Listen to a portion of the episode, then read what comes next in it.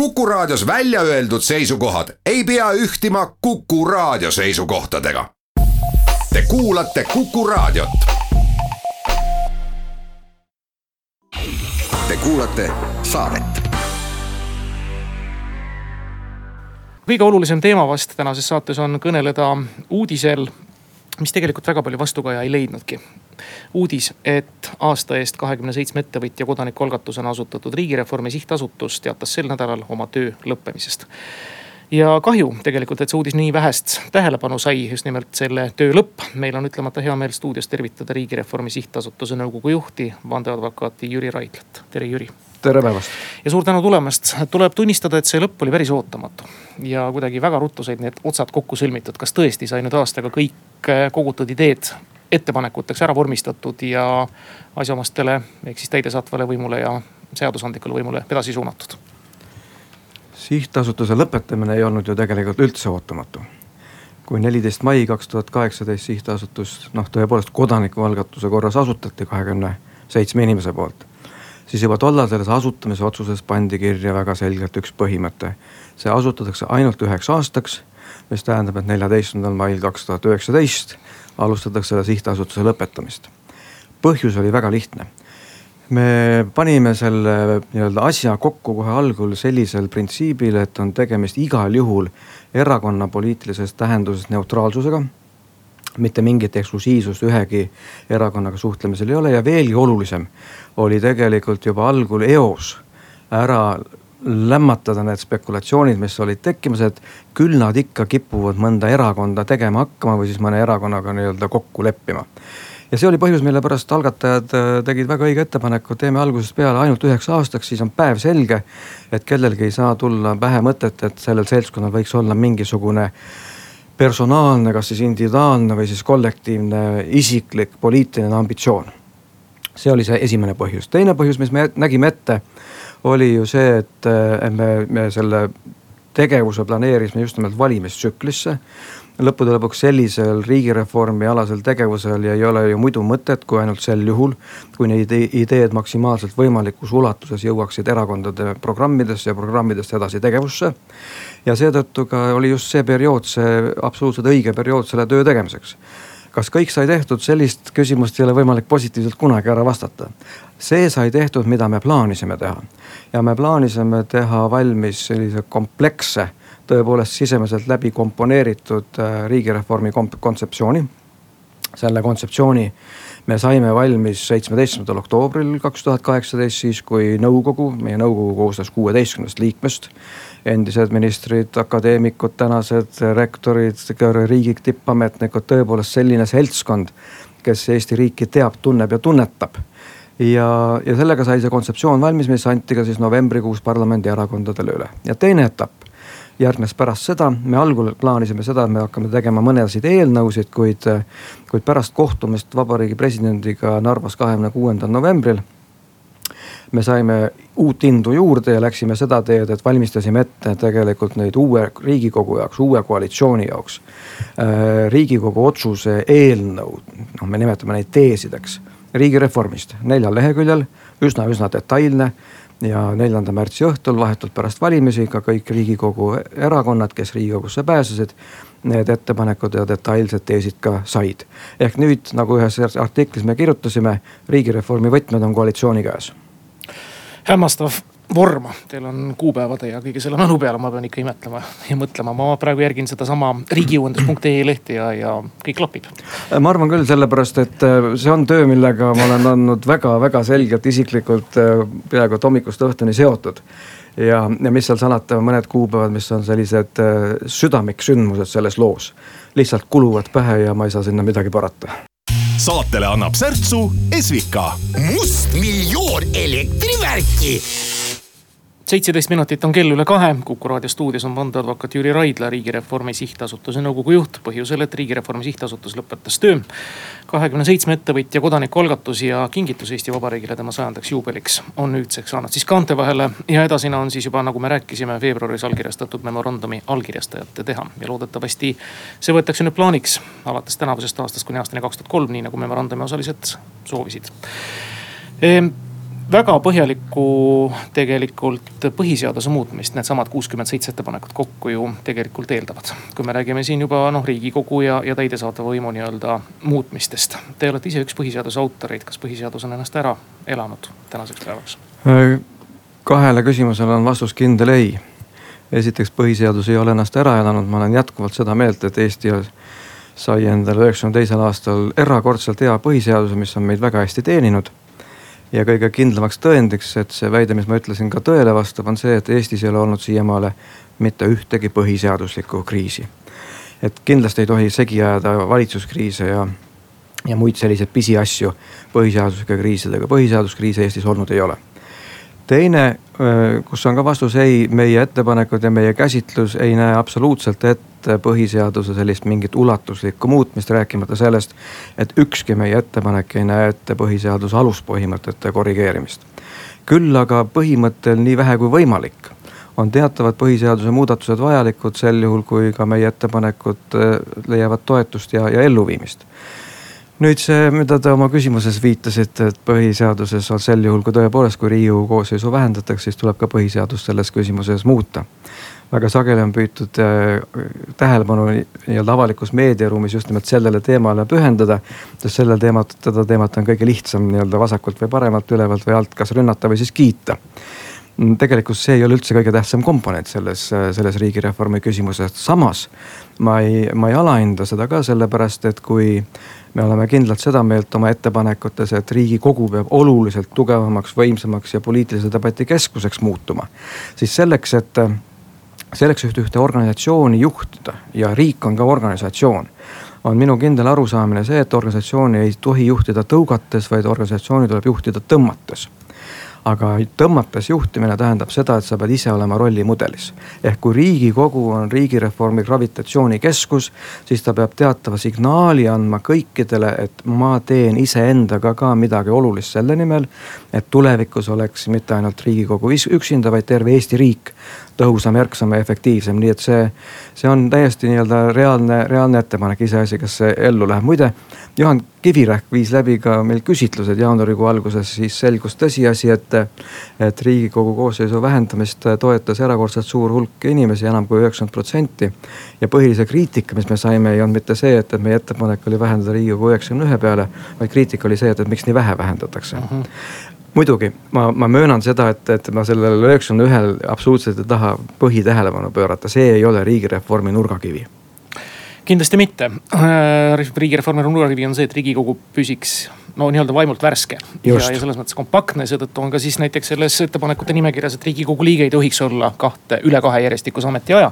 vaid võtaks seejärel ka väikese pausi ja vaataks maailmas ringi, nii-öelda nuusataks elu. kui me nüüd räägime täidesaatvast võimust, siis mida ja kuidas nüüd mõista seda ministeeriumide silotornistumist.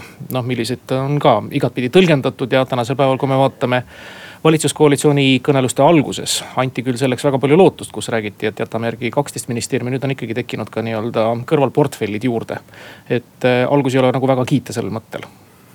see on üks päris, päris keeruline küsimus, me võtsime siin ka eeskujuks Rootsi kuningriiki ja Šotimaad tegelikult, kui me selle ettepanekuga lagedale tulime meie ettepanek ei ole see, et olemasolevaid ministeeriumeid peaks hakkama likvideerima, meie ettepanek on see, et olemasolevad ministeeriumid tuleks tegelikult konsolideerida ühtseks valitsusasutuseks.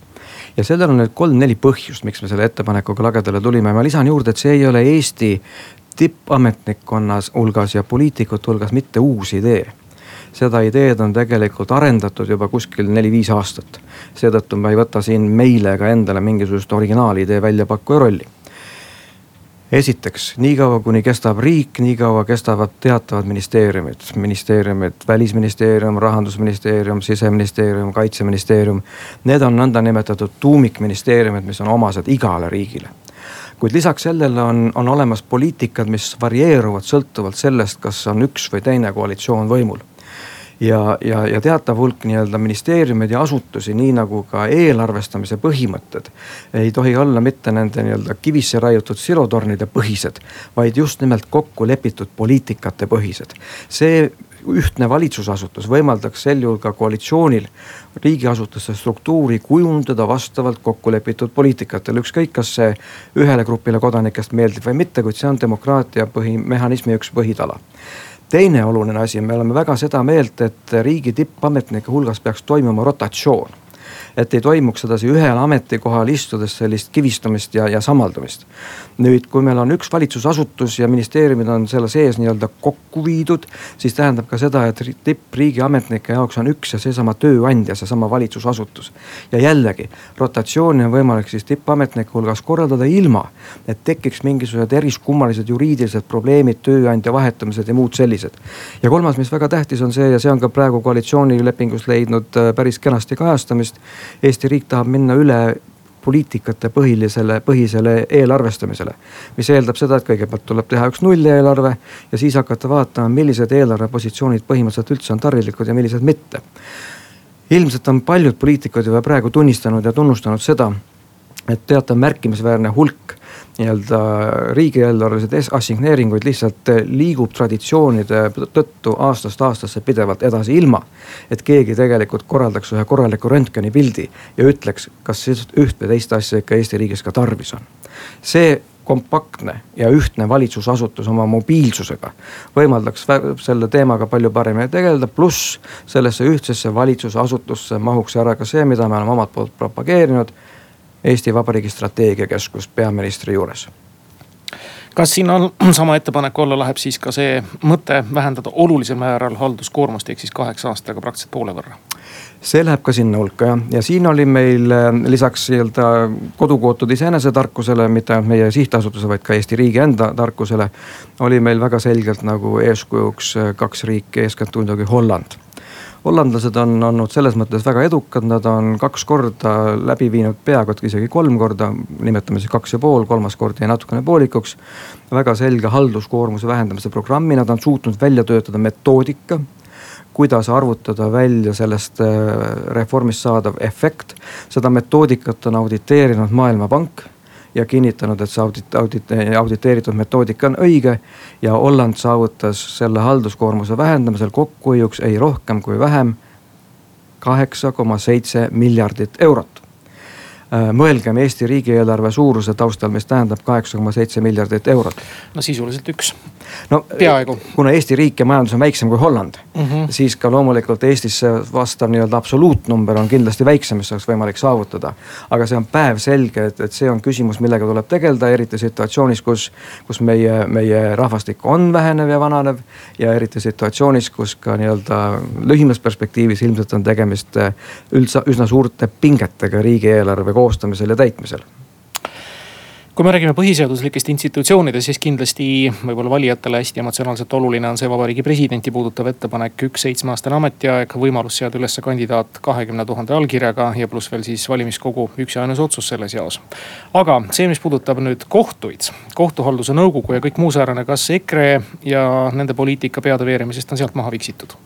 Oma ekvivalendiga loomulikult ei, seda kohe kindlasti mitte, ei ole siin vastastikku viksimist. see, see kohtu halduskoja ja haldusnõukoja idee on tegelikult üsna vana idee, see on ammu enne seda tekkinud, kui tekkis EKRE. Äh, seda on omal ajal väga, väga argumenteeritult hakanud äh, edendama ja esitama äh, endine riigikohtu esimees Rait Maruste kes oli ka Riigireformi Sihtasutuses üks kolmest põhikirjutajast kontseptsiooni juures.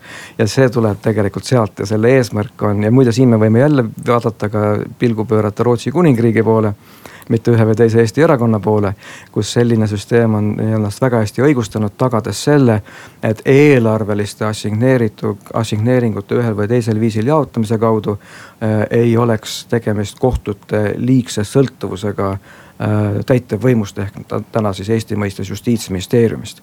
see on tegelikult eesmärk just nimelt kohtute sõltumatust äh, suurendada saatele annab särtsu Esvika.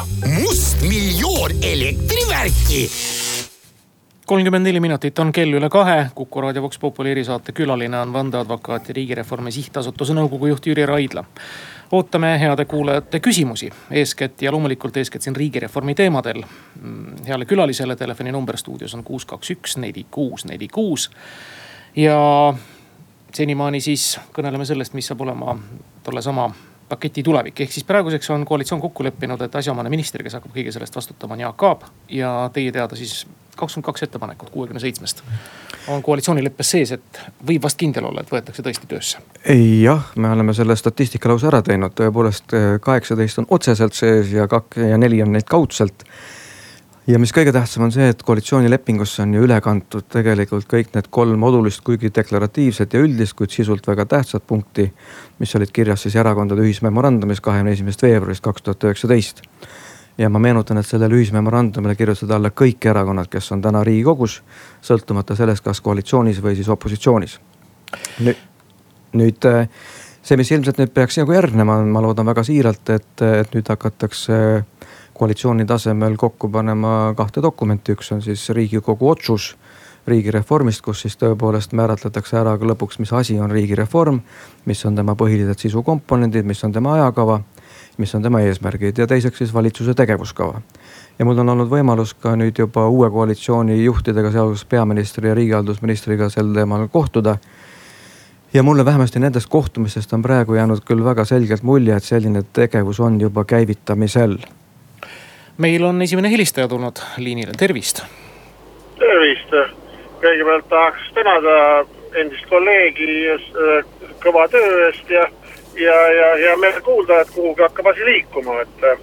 et äh, ma ütleks paar lihtsalt ühe kommentaari selle riigikogu liikmete arvu vähenemise kohta, et noh see on niisugune ilus jah, semantiliselt ja võib-olla ka ütleme siis jah, et eeskuju näitavalt see sajast üheksakümne peale.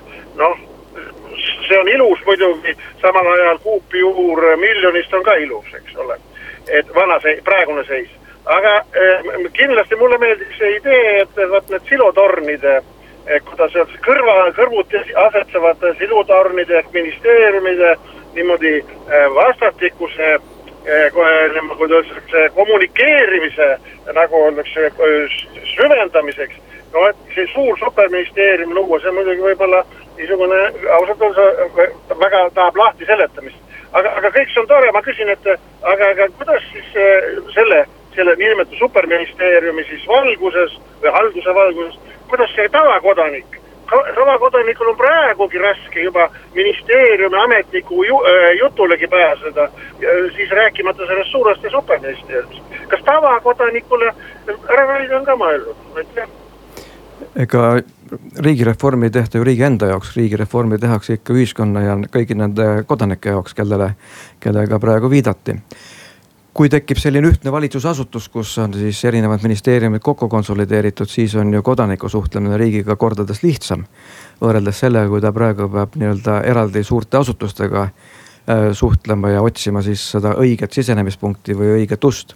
nii et kodaniku jaoks muutub see pilt siis äh, märkimisväärselt lihtsamaks ma siiski ühe kommentaari ütleksin ka veel selle kuupjuure teemal. kuupjuurega on selline lugu, et äh, praegu õhtumaade kultuuriruumis olevatest riikidest kuupjuurele vastab parlamendi suurus ainult ühes riigis ja see on Leedu. nüüd äh, nagu me teame, Leedus püüti praegu referendum läbi viia, parlamendi koosseisu vähendada, referendum kukkus läbi, sest osales vaid nelikümmend seitse protsenti inimestest, vabandust, valimisealistest, vali, valijatest.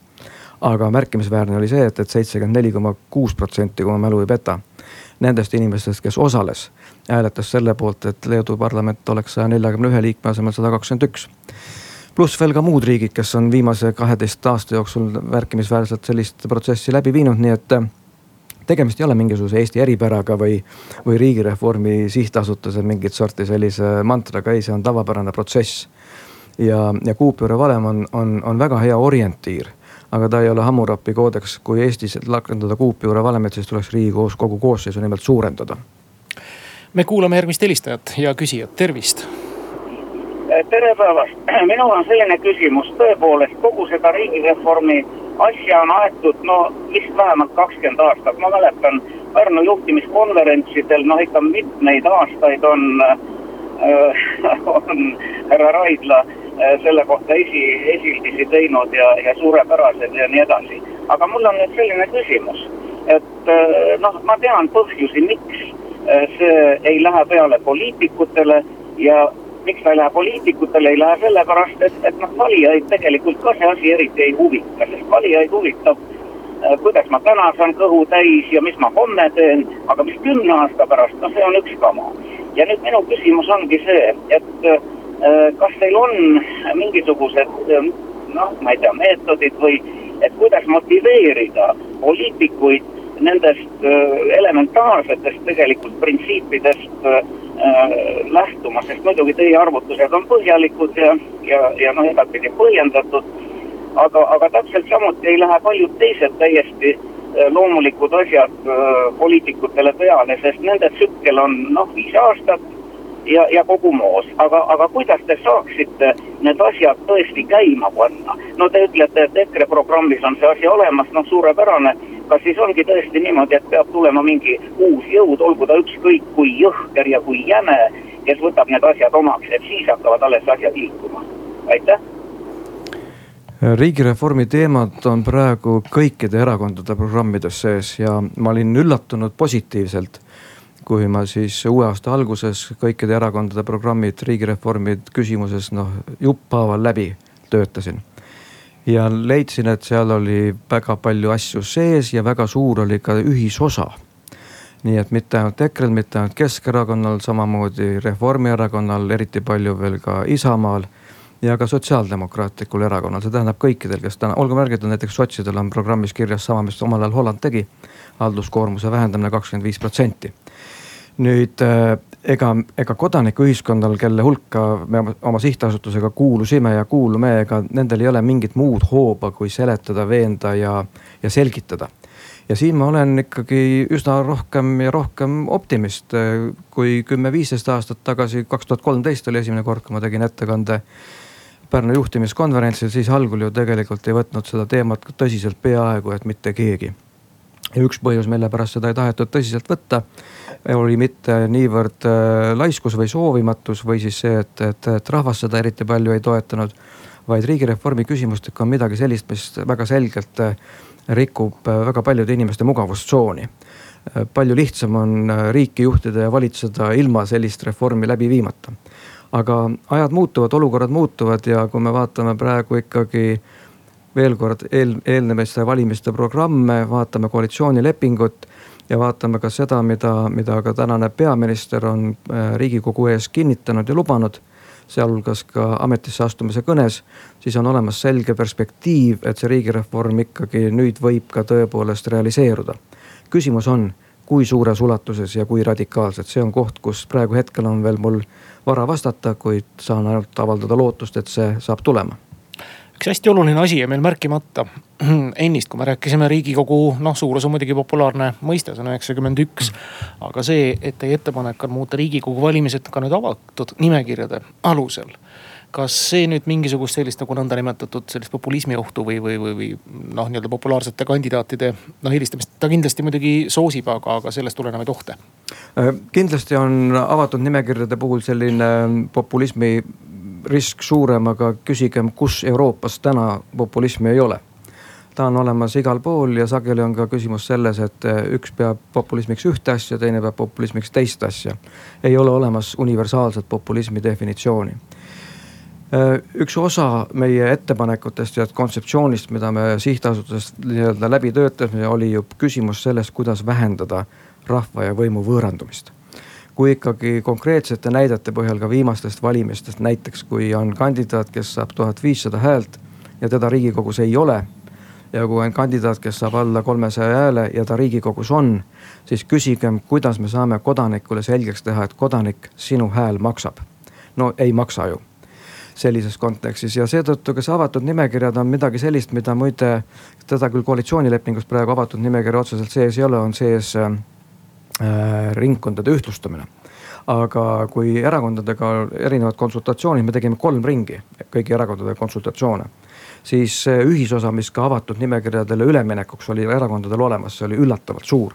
nii et minu jaoks ei oleks mitte mingisugune üllatus, kui ühed esimesed asjad mida riigireformi raames riigikogu tegema hakkab, on tegelikult kõigepealt siis riigikogu valimisseaduse revisjon eesmärgiga ühtlustada ringkondasid ja ka üle minna avatud nimekirjadele. see ei tähenda ühte nimekirja nagu Euroopa, ühte ringkonda nagu Euroopa Parlamendivalimistel, vaid, vaid avatud nimekirjasid ringkondade kaupa ja nagu kadunud veteranpoliitik Andres Ammas, kes oli väga-väga kõrge reputatsiooniga kõikide poliitiliste jõudude jaoks tegi rehkendused eelneva kolme riigikogu koosseisu suhtes, siis tema rehkendused näitasid, et riigikogu koosseis sõltuvalt sellest, kas on tegemist siis niinimetatud suletud või avatud nimekirjadega, erineks vahemikus üksteist kuni kakskümmend kaks riigikogu liiget.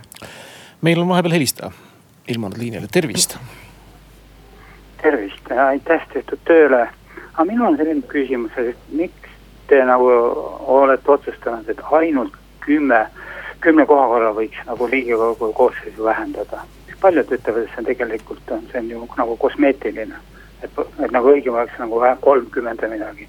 sest küsimus ei ole see finantsid, mis sult vabanevad, neid võiks kasutada riigi juhtimisel selles mõttes efektiivselt ära kasvõi kõikidesse komisjonidesse nagu, nagu osta sisse nendele istungitele kõrgemaid spetsialiste selle alal. näiteks õiguskomisjonis võiks siis käia ikka tippjuristid, lihtsalt võiks olla seal mingi opositsiooni, koalitsiooni esindajad, meil komisjonis on selge aga ikka, et see tipptegija oleks see, kes ütleb, et need seadused on nüüd tehtud perfektselt, mitte nii, et on mingi kohtuotsus, jälle mingi auk on sees, jälle mingi jokk asi. et vot miks nii vähe nagu see on nagu üllatav mind. aitäh nägemist aitäh selle huvitava küsimuse eest, ilmselt raadiokuulajad ka mäletavad seda, et ka minu personaalne ettepanek kunagi oli riigikogu koosseisu suhtes seitsekümmend üks aga nagu ma eelnevalt ütlesin, riigikogu koosseisu vähendamine iseenesest ei ole riigireformi vundament või, või nurgakivi. ta on pigem eeskätt just nimelt signaliseeriva toimega eeskuju näitamine, rollimudeli sisseseadmine riigireformi jaoks nüüd me arutasime seda ettepanekut arvu suhtes nõukogus, sihtasutuse nõukogus päris põhjalikult ja päris pikalt ja jõudsime järeldusele, et selle, selle rollimudeli nii-öelda mängimiseks või etendamiseks, mängimine ei ole hea sõna. etendamiseks on, on kümne võrra vähendamine piisav. ja teiselt poolt üheksakümmend üks on ka selline koosseisu suurus, kus ei ole vajalik veel eriti muret tunda selle üle, kas kõik poliitilised jõud saaksid vajalikul määral olla riigikogus esindatud või mitte ning mis ka päris oluline muide, demokraatia koosneb alati ka bürokraatiast. Ja seetõttu ka teatav hulk selliseid riigikogu komisjone on iseenesest äh, möödapääsmatult tarvilikud äh, ka sellise väikeriigi jaoks nagu, nagu Eesti ja kui riigikogu liikmete arv on, on, on liiga väike, siis võib tekkida küsimusi ja raskus tegelikult äh, komisjonide vajalikus suuruses mehitamisest või siis selle koosseisu kujundamisest. nii et me leidsime enda arvates on tegemist ühelt poolt signaali ja teiselt poolt riigikogu töövõimekuse tagamise sellise vahelise tasakaalu kompromissiga. Te kuulate saadet kümne minuti pärast on kell kolm ja umbes nii palju on meil aega veel headel kuulajatel küsida küsimusi vandeadvokaat Jüri Raidlalt. räägime riigireformist ja sel nädalal lõpetanud Riigireformi Sihtasutuse tööst, tehtud ettepanekutest. ja kui nüüd lugu puudutab tõesti riigiaparaadi vähenemist, ma ei jõuagi küsimust enam lõpuni küsida, sest et meil on helistaja liinil, tervist tervist, kuulaja küsib, kuidas on vähendatud äh, riigiametnike vastutuse küsimus, kuna ministeeriumid välja, väljastavad kirju, mis ei vasta esitatud küsimusele, veel vähem põhiseadusele, kuidas ametnikke saaks korrale kutsuda? Äh, ametnike korrale kutsumiseks on praegu ka tegelikult mehhanismid olemas ja esiteks on ju, ju suuremates küsimustes ja põhimõttelisemates küsimustes, kui riik teeb midagi, mis on põhiseadusega kas küsitavas kooskõlas või lausa vastuolus. siis on olemas meil väga hea institutsioon õiguskantsleri näol, kelle poole saab pöörduda, õiguskantsler teatavasti täidab ka ombudsmani rolli, mida, mida sageli ei panda võib-olla piisavalt hästi praegu Eesti ühiskonnas tähele ja ombudsmani ülesandeks ongi kodanike selliste põhimõtteliste küsimuste ja kaebuste läbivaatamine juhtudel, kui riik ühes või teises küsimuses on ebaadekvaatselt või ebapõhiseaduslikult käitunud. see on üks mehhanism ja teine mehhanism on loomulikult see, mis puudutab äh, kõrgemal seisvatele ametnikele sel juhul vastava märgukirja või kaebuse esitamist, ega, ega teisiti see ei saa, see ei saa olla. mis puudutab ka veel selliseid äh, mastaapsemaid küsimusi, siis selleks on ju pärast äh, rahvakogu on Eestis vastu võetud äh, kollektiivset pöördumiste seadus ehk nõndanimetatud petitsioonide seadus. ja, ja petitsioonide kaudu on võimalik ju sellistes küsimustes, kui on tegemist mingisuguse massilise nähtusega, pöörduda ka riigikogu poole ja riigikogu ülesanne on siis kas asja reguleerida või siis valitsus ja tema ametnikud korrale kutsuda. Telefon kuus, kaks, üks, neli, kuus, neli, kuus on kõne vastu võtnud, tervist lihtkodanikuna no ma mõistan, et, et on noh, selline hea taha on olemas. kuid ma kardan, et see taha piirdub sellega, et raisati taas eh, maksumaksja raha ja need mõtted ei leia lähiperspektiivis mingit noh, kasutamist, ütleme siis nii. aga mul on niisugune tunne, et Eesti kui õigusriik, et, tegelikult see kõik, mis selles valdkonnas jutu tasemel toimub, ongi jutu tasand. sest mm, prokuratuuri poolt peale surutav eh, selline eh, noh, mm, omavaheline kokkulepe tee, kus eh, kiideldakse sellega, et ligi kolmkümmend tuhat lahendust ja sellest seitse, kaheksa protsenti on õigeksmõistvad Äh, lahendused, et see ongi see tasand, äh, lääne tasand, aga probleem on ju tegelikult mitte selles, äh, vaid hoopis selles, et need lahendused, need on saavutatud läbi selle, et inimesed rahaliselt ei ole neil võimalik riigiga vaielda ja sellepärast minnakse prokuratuuri poolt peale surutavale äh, õigusmõistmise noh, sellisele. vabandust, kas teil küsimus ka on? Jah, selge, saigi otsa sõnavõtt, no kõigepealt lükkame selle riigi raha raiskamise. ma jah, hea meelega mõlemat osa kommenteeriksin, kõigepealt nüüd sellest siis riigireformi sihtasutusest, selle töö jaoks ei kasutatud mitte ühtegi senti avalikku raha. riigireformi sihtasutuse tegevus oli finantseeritud eeskätt asutajate poolt tehtud annetustest ja, ja kuigi me seda ei afišeeri sellisel viisil, siis tegelikult nii see asutajate pool kui ka nõukogu pool, ka mina tegutsesin kogu aeg seal muide tasuta ja pro bono põhimõttel. see oli mõnes mõttes väga selgelt äh, ettevõtjate poolne selline hea tahte žest ja, ja kui soovite ka siis kingitus selle produkti näol Eesti riigile, mida siis Eesti riik saab kasutada, kui ta, kui ta soovib seda kasutada. nüüd, mis puudutab äh, kokkuleppemenetlust prokuratuuriga, siis ega see ei ole mitte mingisugune Eesti Vabariigi kui õigusriigi leiutis.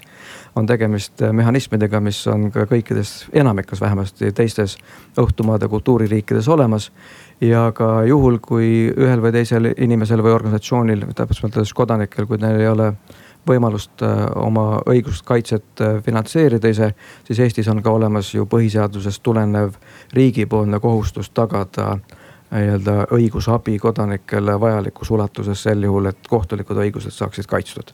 nii et selles osas ma julgen olla optimistlikum, kui, kui kommentaar eelnevalt kõlas. ja me kuulame ilmselt tänase saate viimast küsijat, tervist. tere, see muidugi riigireform on vajalik ja, ja, ja teretulnud, aga ilmselt suurimat riigireformi viib läbi praegult äh, Taavi Veskimägi ees, Eleringi eesotsas. Äh, ja üritab siis Euroopa Liidu rahadega elektroenergeetika seadusi muuta, ehk siis ühendada lahti toimivast elektrienergiasüsteemist, eks. ja ühendada siis meid siis Kesk-Euroopa salaga, et, et ilmselt see projekt võib kujuneda läbikukkunuks, et kuidas sellisel juhul on võimalik äh, selliseid isikuid karistada? no kõigepealt ma kommenteerin seda, et elektrivõrkude ühendamine, kas siis lahti või, või kinni ühendamine ei ole riigireformi küsimus. miks ma sellele ka sellisel viisil väga konkreetselt vastan, päris sageli on olnud eelmiste aastate jooksul Eestis püsti pandud küsimus niimoodi, et ükskõik missugune muudatus ka Eesti riigis, ükskõik mis küsimuses tehakse, et see justkui oleks osa riigireformist, ei ole riigireform minu ja meie arusaamise kohaselt on riigi avaliku võimu organisatsiooni reorganiseerimine, ümberkorraldamine, sellele eelneb loomulikult inventuur teenuste osas ja asutuste osas ning siis vastavad muudatused. nüüd äh, Taavi Veskimägi on riigi äriühingu juht äh, temale laienevad äh, nii äriseadustikust tulenevad sätted kui ka siis riigivaraseadusest tulenevad sätted ja ma olen väga veendunud, et, et kui Taavi Veskimägi peaks midagi tegema valesti, siis on ka seaduses olemas sellised sätted, mis siis tema vastutust reguleerivad. samas olen ma üsna veendunud selles, et Taavi Veskimägi tegelikult ajab praegu õiget asja. see ei ole riigireformi küsimus, see oli praegu minu kui kodaniku vastus Jüri Raidla, suur aitäh teile selle vaba tunni eest siin Kuku raadio ja Kuku raadio kuulajate seltsis. aitäh teile ka ja loomulikult kogu Riigireformi Sihtasutuse nõukogule ja sisulistele töötegijatele ja algatajatele selle kena kingituse eest. ja nagu ütlesite, see osutus isegi lootuste heaks efektiivseks tegevuseks, kui nüüd tõepoolest koalitsioonilepingusse nõnda palju punkte sisse pandud. ja on võetud ka siis allkirjaga kinnitada kõike seda, et me viime selle riigireformi läbi. aitäh teile, Jüri, ja ma usun, et see kunagi saab teoks ja ma usun, et me vestleme nendel teemadel veel. väga suur aitäh